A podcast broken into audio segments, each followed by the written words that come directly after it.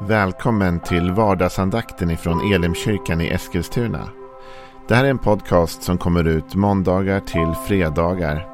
Om du vill veta mer om vilka vi är, vad vi tror på, hur du kan komma i kontakt med oss eller vad vi kan erbjuda dig för någonting så gå in på www.elimkyrkan.com. Får jättegärna gå in och likea vår Facebook-sida. Det är facebook.com elimeskilstuna.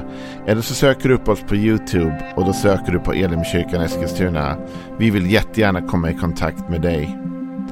Men nu lyssnar vi till dagens andakt. Välkommen till eh, vardagsandakten. Vi är ju inne i en eh, vecka då vi talar en hel del om andens frukter. Och vad det kan innebära att leva i andens frukter eller med andens frukter. Vi har läst ur Galaterbrevet, det femte kapitlet, talat lite grann om anden och köttet och så vidare.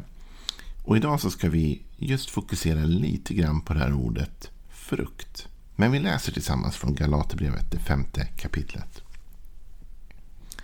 Och vers 22 kan vi läsa idag. Men andens frukter är kärlek, glädje, frid, tålamod, vänlighet, godhet, trofasthet, ödmjukhet och självbehärskning. Mot sådant vänder sig inte lagen. De som tillhör Kristus Jesus har korsfäst sitt kött med alla dess lidelser och begär. Om vi har andligt liv, låt oss då följa en andlig väg. Andens frukter. När det talas om köttet i vers 19 så talas det om att vad köttet ger. Men här talas det om att anden är, har frukter. Och ibland så gör vi den här uppdelningen mellan andens frukter och andens gåvor i Bibeln. För på något tillfälle så står det om då att vi får gåvor av anden. Eh, eh, profetians gåva, trons gåva och så vidare. Men här talas det om frukter som har mer med karaktär att göra karaktär liksom hos oss människor. Va? Kärlek, glädje, frid, tålamod, vänlighet, godhet, trofasthet, ödmjukhet och självbehärskning. Det här har ju med min egen personlighet och karaktär att göra kan man säga. Men det intressanta tycker jag är just ordet frukter. Därför frukt är ju någonting som växer fram. Och Det innebär ju att det här är inte något som kommer per automatik direkt. En gåva, den kan man ju ta emot på en gång en gåva den kan man få av någon idag och så bara har man den sen, eller hur? Så fort jag säger ja och accepterar så har jag gåvan. Men frukt, det växer fram. Och det innebär att andens gåvor, de kan vi av anden få sådär direkt. Anden kan välja att ge profetians gåva till någon, trons gåva till någon och så vidare.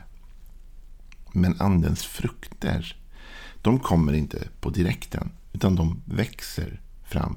Per definition måste de växa fram. Och Det innebär att de här sakerna vi läser om här, det tar lite tid. Att få verktyg att arbeta med, för det är ju vad andens gåvor är. Det kan vi få av Gud. Och Gud kan ge oss gåvor som är till hjälp för andra, för det är det som det handlar om. Men att utveckla en karaktär som är, så att säga, andemättad eller ledd av Guds ande. Det däremot är lite mer av en tidsödande process. Det sker inte över en natt eller över en dag. Och ibland så uppstår det här en klyfta som är lite svår. Det är när människor till exempel har stora andliga gåvor som de har fått av den helige ande.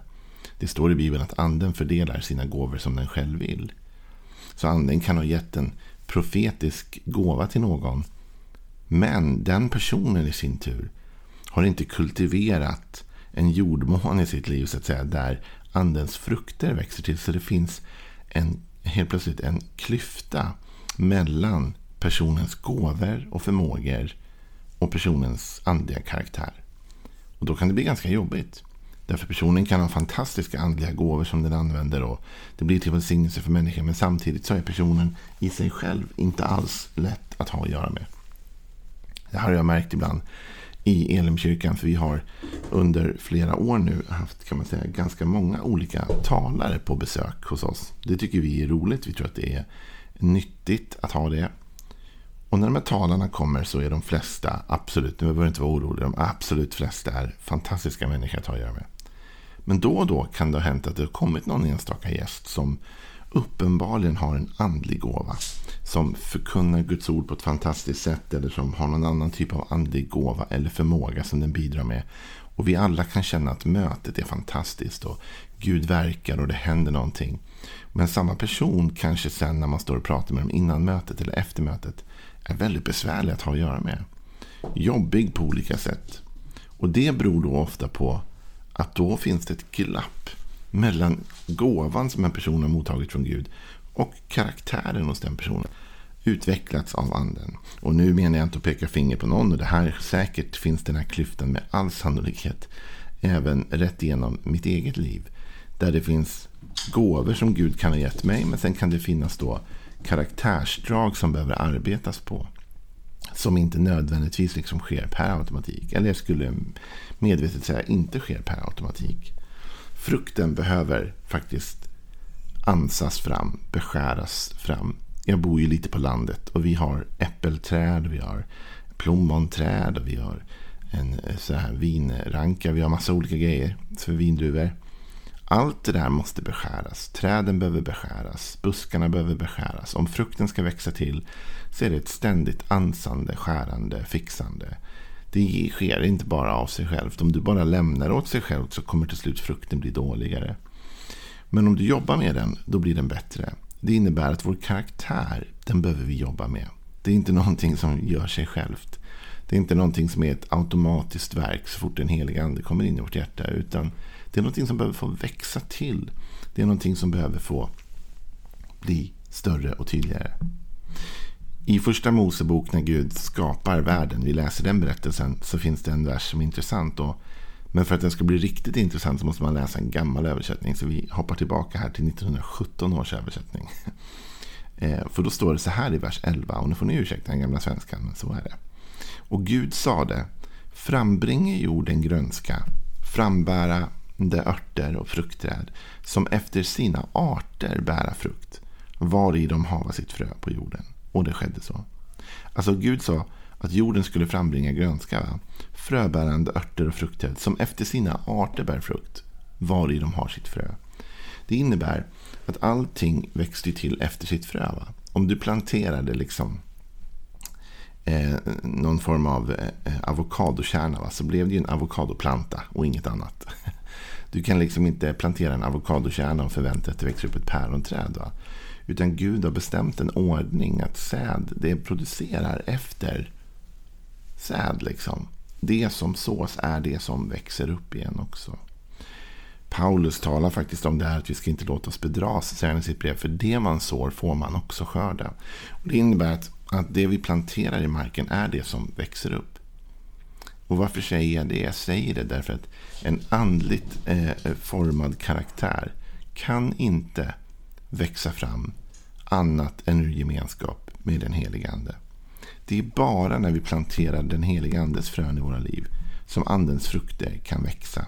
Och Det är därför när Paulus fortsätter i Galaterbrevet, han först talar om vad Andens frukter är för någonting. Och Det kan vi gå igenom i detalj om man vill, men nu är jag mer ute efter själva ordet frukt. Så fortsätter han med att säga att den som tillhör Kristus Jesus har korsfäst sitt kött med dess lidelser och begär. Och så säger han, om vi har andligt liv, låt oss då följa en andlig väg. Så Paulus talar om att för att den här frukten ska växa i ditt och mitt liv så behöver vi vandra en andlig väg. Man skulle kunna säga så här, vi behöver plantera de här fröna i vårt liv av den helige andes eh, närvaro, den helige andes gemenskap, av ordet, av allt det som kan kultivera de här andliga frukterna att växa till. Och när man gör det så är det inte bara det vi ska göra utan vi ska också göra en sak till. Och det är det att vi ska se till att vi inte då planterar andra frön i vårt liv. Så när Paulus säger att den som tillhör Kristus Jesus har korsfäst sitt kött med dess lidelser och begär. Vad Paulus egentligen tror jag säger är att den människa som har andens frukter i sitt liv är en person som är medveten med vad den låter komma in i sitt hjärta och i sitt liv. Med andra ord, att, att utveckla sin andliga karaktär det handlar om en medvetenhet i vad som får planteras i mitt hjärta och vad som inte får planteras där. Ordspråksboken säger att över allt det som vi ska vakta så ska vi vakta och värna vårt hjärta. Till därifrån utgår livet. Så vi måste vara aktsamma över vad som får komma in i dig och mig och växa till och slå rot. där inne och se till att det som inte ska vara där, inte ska vara där. Och nu är det så här, att det här är ju inte en fråga om frälsning. Det här är inte ens en fråga om Guds kärlek. Men det är en fråga om mognad. Och det är en fråga om att karaktären ska utvecklas hos dig och mig. Jag kan ju tänka på mina barn. Jag älskar ju mina barn och jag kommer alltid älska mina barn. Och liksom, nu är de barn och, och har en barnslig karaktär i vissa avseenden. Och de kommer växa till och då hoppas jag att deras karaktär ska utvecklas. Jag hoppas att de ska mogna. Jag hoppas att de ska fatta klokare beslut, beslut om fem sex år än vad de gör idag. Att de ska se världen ur ett större och bredare perspektiv och förstå mer. Men min kärlek till dem kommer ju inte förändras. Även om någon av dem skulle fastna i sin utveckling och inte komma vidare och inte utveckla sin karaktär som den borde. Så det är ändå så att det finns en faderskärlek där som kommer älska i alla fall. Och så är det med Gud. Gud älskar oss ju lika mycket. Gud älskar inte den som har andens frukter mer än den som inte har det. Men det finns en längtan i Guds hjärta. Att du och jag skulle uppträda mer moget och vuxet såklart. Att vi skulle växa till och att vi skulle så att säga, ta bort de saker som växer i vårt liv som inte ska växa där. Att vi skulle få ge näring åt de saker som Gud vill ska växa i vårt liv istället. Så att andens frukter kommer fram. För andens frukter blir ju till välsignelse för andra människor. Eller avsaknaden av dem blir till besvär. Det vill säga om du kommer in med en andlig gåva till exempel. Men har en besvärlig karaktär. Så kommer folk inte vilja jobba med dig. Och du kommer kunna ställa till det och såra människor och göra livet svårt för människor. Så det är viktigt att vi utvecklar vår kärlek, glädje, frid, tålamod, vänlighet, godhet, trofasthet, ödmjukhet och självbehärskning.